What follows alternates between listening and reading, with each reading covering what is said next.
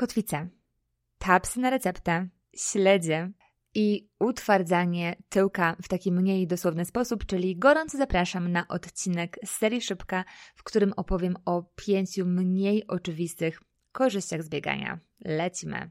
A że nie mam jeszcze wybranej muzyczki do tego podcastu, to teraz będzie jakieś takie dredan, dredan i tym samym warstwa muzyczna tego podcastu została oficjalnie zakończona. Czytałam kiedyś taką książkę o dzieciach i nie pamiętam z niej nic. To chyba nie jest dobrym znakiem. Poza jednym rysunkiem to był taki mini komiks i w pierwszym okienku była sobie mama z dziewczynką. Ta dziewczynka y, miała na imię Tina. Mama mówi jej coś w stylu Tina, zrób to i tamto, Tina, nie rób tego i tamtego i tak dalej, jakby dołóżcie sobie swoje. Dziewczynka tylko patrzy, a w drugim okienku są pokazane myśli Tiny, które brzmią mniej więcej tak. Tina bla bla bla, Tina bla bla bla. I mam wrażenie, że dokładnie w ten sam sposób działa na wiele, wiele osób czytanie tekstów pod tytułem Dlaczego warto biegać? Dlaczego warto biegać? Ponieważ Twoje zdrowie będzie lepsze, ponieważ Twoja forma się poprawi i tak dalej, i tak dalej. I te wszystkie frazesy działają czasami właśnie tak jak teksty mamy na Tinę, czyli słyszymy coś w stylu warto bla bla bla, warto bla bla bla. I ja nie mówię, że w tych tekstach nie ma racji. Tak samo jak mama Tiny na 100% ma rację. Co więcej, pewnie ja często zachowuję się jak mama Tiny i oczywiście, że mam rację, ale tak już e, działamy, że kiedy coś się często powtarza, tam się to zlewa w jedną całość i nas nie rusza. Więc dzisiaj będę szukała argumentów, które mam nadzieję choćby w jednym procencie sprawią, że ci z Was, którzy nie biegają, zechcą spróbować, a ci z Was, którzy to robią, ale od czasu do czasu pomyślą sobie, hmm, okej, okay, może faktycznie warto, chociaż to słowo miało tutaj nie padać. I na pierwszy ogień biorę pewność siebie. Dowód mam e, z pierwszej ręki, dlatego że bieganie przez wielką część mojego życia, taką pierwszą część mojego życia, było dla mnie źródłem e, raczej żenady. I Pierwsze moje wspomnienie mam ze szkoły, kiedy jest sobie test na WF-ie na 60 metrów. Dokładnie pamiętam bieżnię, na której on się wydarzył. Pobiegłam Nauczyciel powiedział coś w stylu, że mm, wynik jest niezły, więc wystawi mnie na zawody i żebym pobiegła jeszcze raz, żeby mógł dokładnie sobie jeszcze zweryfikować ten czas. Co zrobiłam ja? Specjalnie pobiegłam wolniej, bo wizja, że miałabym być gdzieś wystawiona, po prostu mnie totalnie sparaliżowała. Kolejne takie mm, biegowe, mocne naruszenie mojej pewności siebie, która była taka dosyć wątpliwa, miało miejsce, kiedy biegałam w takim mm, miejskim klubie. I któregoś dnia trener powiedział coś w stylu, że mm, pewna Lucyna, której nigdy nie poznałam, jest sprinterką, ale coś się jej przydarzyło i w związku z tym ja, dziewczyna, która biegała wtedy na 1500 metrów, ma pobiec za nią. No bo wiadomo, przecież 100 metrów czy 1500 to nie robi różnicy, dlatego zostałam mianowana i tak byłam lepszym wyborem niż dziewczyna, która była jako opcja B, która zajmowała się skokiem w dal. Także ku jej radości to ja zostałam nominowana i mimo, że nigdy nie miałam na nogach kolców, mimo, że nigdy nie startowałam z bloku, zostałam wystawiona na jakieś tam już naprawdę nie pamiętam zawody wojewódzkie. I to wszystko jeszcze było dosyć ekscytujące i nawet myślałam, że to będzie naprawdę przyjemne wydarzenie w moim życiu do czasu, kiedy nastąpił start, wystrzeliło to, co wystrzeliło, wystrzeliły też dziewczyny przede mną i to było oczywiście sekundy, no bo tyle trwa bieg na 100 metrów, ale ja wystartowałam ostatnio, chociaż starałam się być e, skupiona i dobiegłam też jako ostatnia i pamiętam moment, kiedy przechodziłam już um, tak między trybunami i czytano tę nieszczęsną Lucynę, której wynik odbiegał o dwie sekundy od e, najgorszego um, wyniku, jakby przed najgorszego wyniku i dosłownie do dzisiaj kojarzę, jak paliły mnie policzki. Mam jeszcze jedno takie wspomnienie z nastoletnich czasów, już tak bliżej e, lat dwudziestych, ale wciąż dobrze udowadniające, że pewność siebie nie była moją mocną cechą. I to też będzie takie biegowe tło, bo trening w tym właśnie lekkoatletycznym klubie poszłam do szatni i stwierdziłam, ok, przydałaby się sauna i wbiłam tę saunę sama tam między szatnią a sauną był taki wąski korytarz, dość długi i mm, kiedy już posiedziałam w tej saunie i stwierdziłam dość, muszę się z niej natychmiast wydostać, bo umrę z gorąca, okazało się, że coś tam, coś się podziało z tymi drzwiami i nie umiałam wyjść, więc mm, to na pewno były jakieś sekundy, może minuty i los chciał ewidentnie, żebym przetrwała, bo niedługo mm, weszły do szatni miotaczki i mam takie wspomnienie, gdy naprawdę zastanawiałam się dłuższą chwilę, czy lepsze będzie dla mnie kombinowanie na własną rękę, żeby wydostać się z tej sauny, czy może wołanie słabym głosikiem um, jakiejś silnej i rosłej miotaczki. I z jakiegoś powodu to było dla mnie coś, co faktycznie rozważałam. Zamiast od razu ile sił w płucach wrzeszczeć pomocy, utknęłam w saunie. Przytoczyłam te takie żenujące historie z mojego biegowego życia, e, żeby pokazać, że mój punkt startowy był dosyć niski, jak chodzi o pewność siebie. Dlatego sama siebie mianuję na kompetentną osobę o tym, żeby przekonać Was, że bieganie tę pewność siebie buduje. A działa to mniej więcej tak, że widzimy, że jeżeli opracujemy jakąś dobrą strategię, to zazwyczaj mamy rezultaty. Nawet jeżeli ich nie mamy, to łatwo jest wyciągnąć wnioski i przełożyć je na kolejny bieg, kolejny start, kolejny trening. Wszystko się układa mniej lub bardziej w taką logiczną całość. Zwykle też okazuje się, że nie ma cudów. Te predyspozycje są przereklamowane i zazwyczaj jednak ile włożymy w pracę, tyle mniej więcej wyciągniemy, jeżeli połączymy nasz umysł i ciało, bo sport nie jest w oderwaniu i tak właściwie to żadna część naszego ciała nie jest wyspą, wszystko, wszystko jest połączone. I to, co jest takie znamienne w bieganiu, to to, że tak naprawdę mm, różne jego elementy się przekładają na inne sfery życia i nawet nazewnictwo jest takie same, bo możemy mówić o sile i sile, tak? Mamy siłę taką typowo sportową i taką siłę szeroko pojętą, y, na przykład siłę umysłu, siłę psychiczną. Mm, tak samo jest, e, załóżmy, z odpornością. Odporność na ból, odporność psychiczna.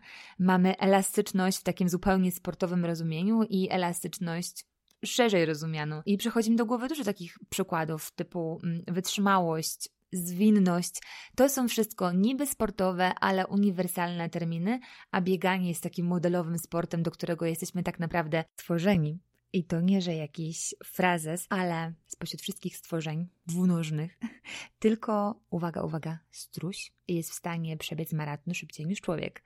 I fakt, że skubaniec robi to w jakieś 40-45 minut, ale myślę, że to jest wciąż solidny argument za tym, że my jako ludzie jesteśmy do tego biegania stworzeni. Łącząc te wszystkie moje chaotyczne myśli w całość, punkt pierwszy brzmi: bieganie zwiększa pewność siebie i wzmacnia nie tylko jak chodzi o ciało, ale też jak chodzi o umysł. Wzmacnia na różnych poziomach. Uczy nas, że skoro jesteśmy w stanie zrobić to i tamto, że mamy siłę zrobić to i tamto w bieganiu, to w sumie te inne rzeczy pozabiegowe też stają się jakieś takie łatwiejsze i bardziej przystępne. Plus numer dwa to będzie inwestycja w zdrowie, ale spróbujemy się jej przyjrzeć trochę inaczej. Kto z Was słyszał już ten taki koronny tekst pod tytułem Biegasz albo chcesz biegać? Mmm, kolana, rozwali ci to kolana na stare lata jeszcze. O, czasami jest um, taka dopowiastka. I teraz scenka rodzajowa. Umawiam się ja, 30 i parolatka, na rowery z triatlonistami tutaj w Colorado. Przyjeżdżam tak na styk. Wszyscy mają już kaski, mają okulary. Nie mam czasu ani okazji się przyjrzeć, kto ma ile lat. Ruszamy. Na szczęście coś mnie tknęło i w ostatnim momencie przepięłam się do tej bardziej początkującej grupy słabszej i tu rysuję cudzysłów w powietrzu. Zaczęliśmy jechać i w planie było 80 czy 100 kilometrów, nie pamiętam. W każdym razie, po jakichś trzech miałam ochotę zawrócić do domu, ale nie miałam opcji, żeby powiedzieć o tym osobie, która prowadziła całą naszą grupę, bo była za daleko, a ja okazało się, nie miałam siły jej dogonić. To w sumie mogłaby być kolejna taka para żenująca historia z mojego sportowego życia, ale nie jest, bo potem trochę się obudziłam i podgoniłam, ale naprawdę początki były nieciekawe. I kiedy mm, przy takim pierwszym stopie dojechałam jako ostatnia, jak nie wiem czemu się skojarzyło jakieś fasole w jakimś odcinku, to te wszystkie osoby, z którymi jechałam, miały już pozdejmowane kaski, czekali na mnie. I to, co mnie zaszokowało, to była średnia wieku, bo okazało się, że te osoby, które tak pięknie mi śmignęły na szosie, są w zdecydowanej większości przypadków dużo starsze niż ja. Co więcej, niektóre z nich dwukrotnie starsze niż ja. I patrząc na to, co dzieje się choćby w Colorado, gdzie seniorzy uprawiają sport, Widać już, że ta teoria pod tytułem rozwalisz sobie kolana nie do końca się klei, ale nie będę się opierała tylko na moim subiektywnym odczuciu tego, co dzieje się gdzieś tutaj na końcu świata. Na szczęście badania totalnie potwierdzają, że bieganie to zdrowie na różnych poziomach i po pierwsze, osteoporoza jest mniej prawdopodobna w sytuacji, kiedy biegamy. Kości stają się silniejsze, gęstsze, więc automatycznie to ryzyko złamania jest mniejsze. Oczywiście mówię o sytuacji, kiedy dobrze jemy i do, dostarczamy naszym kościom tego, czego one potrzebują, i też o sytuacji, kiedy się nie przetrenowujemy. Co więcej, bieganie wzmacnia też biodra i kręgosłup, redukuje w dużym stopniu ryzyko, że coś niepożądanego wydarzy się właśnie w tych partiach naszego ciała. Wzmacnia więzadła, a przez to też i stawy. Większa płuca, a z takich jeszcze większych konkretów to zmniejsza ryzyko zachorowania na raka, na choroby neurodegeneracyjne, takie jak na przykład chyba najbardziej znane spośród mm, tych wszystkich innych Alzheimer. Znalazłam nawet takie badanie, które mówi, że mm, osoby, które regularnie biegają, mają o 50% mniejszą szansę, że umrą przedwcześnie. Oraz, że bieganie średnio o 20 lat opóźnia ryzyko powstania chorób, które wiążą się właśnie z bardziej dojrzałym wiekiem. A to wszystko sprawia, że jeżeli mamy bujną wyobraźnię, to możemy sobie usiąść, zamknąć oczy i pomyśleć, że mm, wchodzimy w te starsze lata i jesteśmy w stanie, dzięki temu, że już teraz regularnie biegamy, być na przykład aktywną babcią czy dziadkiem, którzy zachowują się tak, jak wiele tych, których widuję gdzieś tam na ścieżkach w Colorado Czasami spotykam naprawdę babcie, babcie, które śmigają, są w stanie wyprzedzić na przykład młodych chłopaków na rowerach. Jest taki typowy przykład, topowy przykład e, w triatlonie, czyli siostra Madonna, która już nawet nie pamiętam ile tych Ironmanów pokonała, i wygląda na to, że biegając wybiegowywujemy dłuższe życie i jeżeli to wciąż brzmi jak coś nienamacalnego, to możemy sobie po prostu wyobrazić, że są na pewno jakieś rzeczy, na które mamy ochotę w przyszłości i ganie nas do tego przybliża. Sprawia, że na przykład możemy bawić się z naszymi wnukami, mamy na to siłę i kondychę, albo że, co jest akurat częścią mojego i mojego męża marzenia, możemy wyjechać sobie na małą grecką wyspę i tam sobie łogo spędzać czas na wspinaczce i na jedzeniu sałatki greckiej. Codziennie, dzień w dzień. Skoro już tak wjechałam w temat wizji życia w przyszłości i definicji szczęścia w złotych latach, to punkt trzeci i plus trzeci to jest mózg.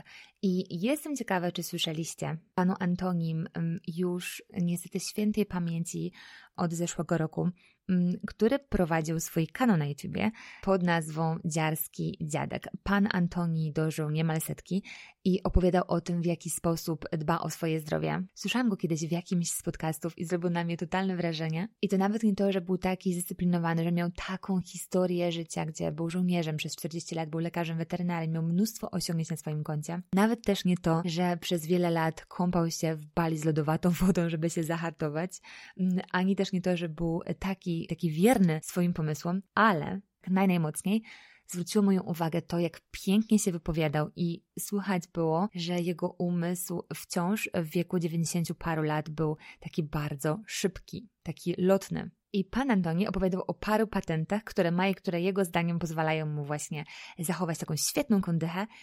I pamiętam, że między innymi wymieniał śledzie i czosnek. Oprócz tego na takie pobudzenie mózgu, czytanie trudnych książek, różnych z zakresu na przykład fizyki i chemii. Mówił, że nie chodzi nawet o to, żeby to doskonale rozumieć, ale żeby cały czas stymulować mózg do pracy a jego kolejnym takim um, filarem jego zdrowia był sport. I fakt, że pan Antoni nie biegał, tylko uprawiał szybkie marsze i takie ćwiczenia cardio i wzmacniające, ale mamy potwierdzenie w nauce, że bieganie e, i te czytanie książek o najtrudniejszych zagadnieniach fizyki mają ze sobą dużo wspólnego, dlatego że jedno i drugie stymuluje mózg, a dzięki temu zmniejsza się właśnie prawdopodobieństwo zapadnięcia na choroby neurodegeneracyjne i co Więcej daje nam to mm, tak z bardziej namacalnych rzeczy lepsze kojarzenie na starsze lata. Wiadomo, że bieganie zwiększa ilość komórek w mm, części naszego mózgu, która nazywa się hipokampus. E, ta część mózgu jest też odpowiedzialna na przykład za e, stany depresyjne, do tego jeszcze e, przejdę, ale też właśnie za pamięć, więc podobno wystarczy około 6 miesięcy regularnego biegania, żeby już można było zauważyć te zmiany w hipokampusie, co uważam za totalnie pojechane. I tak naprawdę wniosek jest jeden, że bieganie pozwala nam w jakiś sposób przebudować nasz mózg, tak aby służył lepiej. Ostatni plus na dzisiaj to jest um, świetna opcja na kotwiczenie i wiem, że to może brzmieć mega dziwnie, dlatego od razu mówię, e, co mam na myśli. Jeżeli już trochę biegasz albo znasz kogoś, kto to robi i ma lekkiego hopla na tym punkcie, to może kojarzysz jakieś historie z życia tego kogoś, takie mocno podkręcone, wydawałoby się, że przesadzone, kiedy ten ktoś aż się ekscytuje i opowiada o jakiejś sytuacji na biegu. Zwykle to jest podczas jakiegoś startu. I nie ma co się rozwodzić nad tym, że bieganie jest właśnie idealną opcją, żeby przeżyć coś takiego mocno intensywnego, dlatego że mamy zmaganie się, mamy jakieś emocje, zwłaszcza właśnie podczas biegowych imprez. I to właśnie, że przeżywamy coś podobnego, jakieś kryzysy, a potem na przykład powstanie z tego kryzysu podczas biegu, może nam dać dobrą okazję do świetnej kotwicy. Teraz kotwiczenie to jest taka teoria z NLP, która polega na tym tak w dużym e, uproszczeniu, że przypinamy sobie jakby w głowie jak pineskę, jak właśnie tą kotwicę, jakieś mocne dla nas dobre wydarzenie i dzięki temu, że tak to dobrze przypniemy i zakotwiczymy, jesteśmy w stanie potem w przyszłości przywołać te fale pozytywnych wrażeń, korzystając właśnie z tej kotwicy. Tak mówię, mówię, ale czuję, że dalej to może brzmieć e, dla niektórych dziwnie, więc może podam przykład, jaką ja mam jedną z um, wielu kotwic i um, Jedna z nich to jest mój pierwszy maraton, który z oczywistych względów totalnie przeżywałam i wszystko tam mi się wydawało być cudowne, chociaż tak naprawdę z perspektywy osoby z boku, choć pogoda była koszmarna, ale mimo to czułam się jak w jakimś filmie. I pamiętam taką końcówkę, ostatnie parę kilometrów, już taki zakręt, gdzie byli jacyś pojedynczy kibice, bo generalnie na trasę nikt nie wychodził, było okropnie i psa szkoda byłoby wygonić. I pamiętam ten moment, kiedy właśnie już biegłam, wiedziałam, że teraz będzie ostatnia prosta i totalnie czułam takie klasyczne motyle w brzuchu. I wtedy pamiętam taki moment, że tak po prostu dotknęłam brzucha, bo wręcz miałam wrażenie, że coś mi tam rozsadzi z tej radochy. I teraz, mimo że wtedy nie znam nawet tej teorii, to jestem w stanie sobie przywołać właśnie to uczucie, kiedy tylko chcę, myśląc sobie o tym i robiąc ten ruch. I ja wiem, że to dalej brzmi dziwnie, bo powiedziałam to już chyba czwarty raz,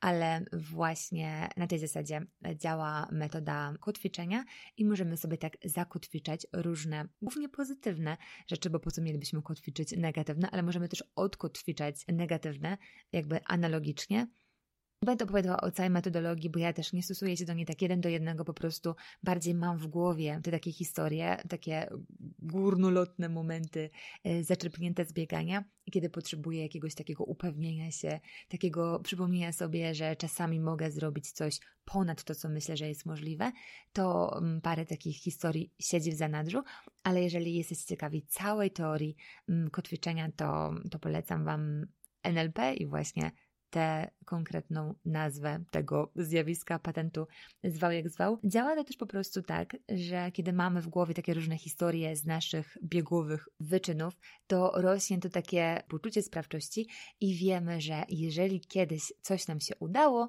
to w sumie może się udać po raz kolejny i te historie z przeszłości są takim żywym dowodem, że potrafimy i możemy to powiedzieć, a czasami sama ta taka wiara mm, naprawdę solidnie napędza. A w ramach ostatniego punktu chciałabym opowiedzieć taką krótką historię, która pewnie zdaniem niektórych nie powinna być w ogóle opowiadana i właśnie dlatego ją powiem.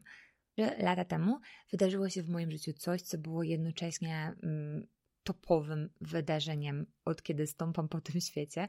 Było przecudowne, a jednocześnie pociągnęło ze sobą falę jednego z największych dołów, jakie kiedykolwiek zaliczyłam. Mam na myśli moją drugą ciążę bliźniaczą i drugi poród i dawać by się mogło, że to powinno budzić tylko i wyłącznie czyste, nieskalane niczym szczęście i fruwanie pod sufitem, ale to tak nie działa i być może teraz damska część y, publiczności, zwłaszcza ta, która przeżyła właśnie ostry zjazd po porodzie, czyli po prostu depresję poporodową czy baby bluesa, będzie kiwała głowami. Jest straszne uczucie i tym bardziej jest straszne, że w naszych głowach jest taka myśl, że to jest straszne, że myślimy, że to jest straszne i tak się to kręci. I zaraz się pojawia taka cała lawina myśli typu, czy ja jestem niewdzięcznicą?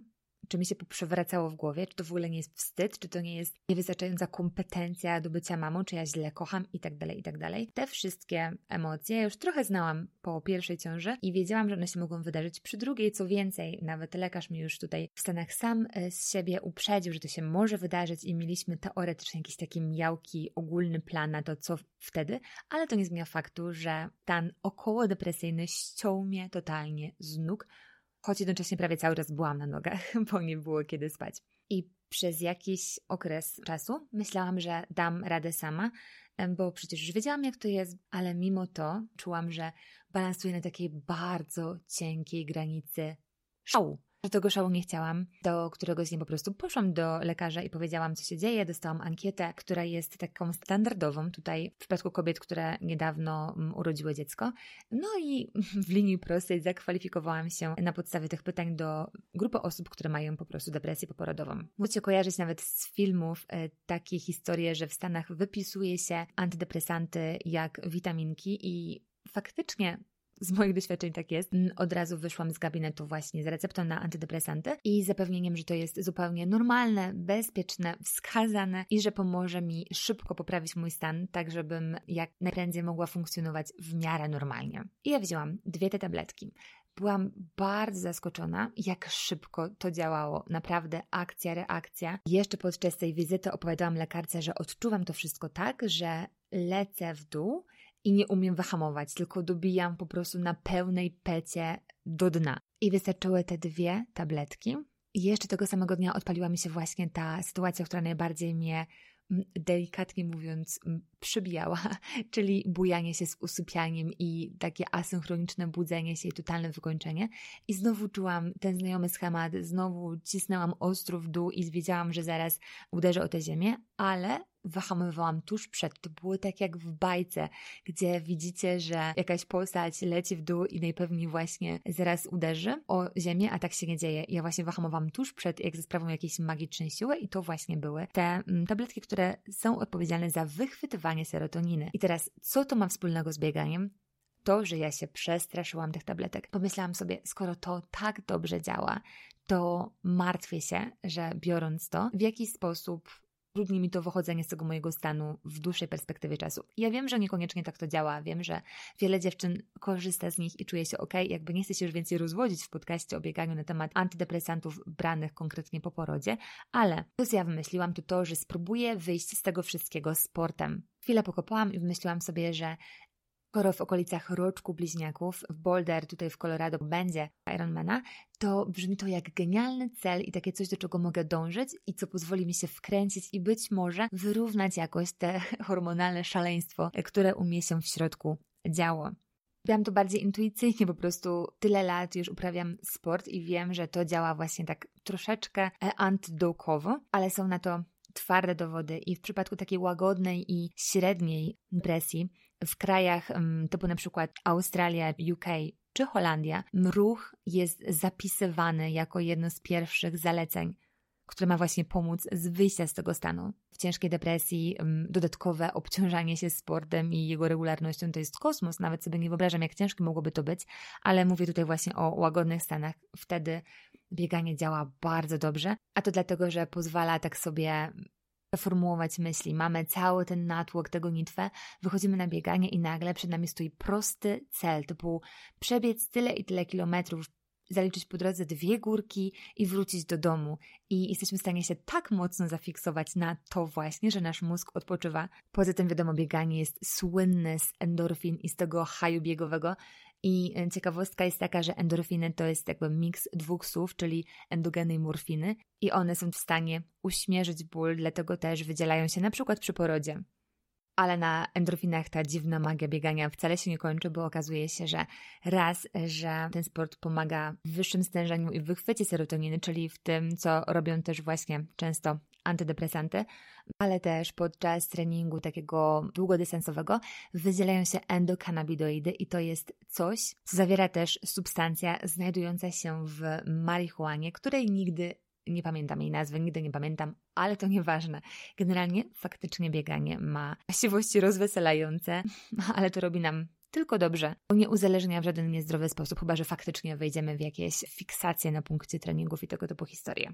I mówi się też, że siła biegania w wychodzeniu z takich lekkich stanów depresyjnych versus branie antydepresantów to to, że w momencie, kiedy wychodzimy z takiego przygnębienia poprzez sport, to mamy poczucie, że robimy to my, że to zależy od nas, że to my podjęliśmy jakąś akcję i to od razu buduje taką większą siłę, a w przypadku wspomagania się lekami z zewnątrz możemy tego poczucia po prostu nie mieć, ale to już jest um, taka daleko idąca teoria. Nie na każdego na pewno ona zadziała i też nie chcę ani się tu wymądrzeć na tematy, które nie są moje, ani w jakikolwiek sposób dyskredytować leków, które wielu osobom pomagają wyjść na prostą.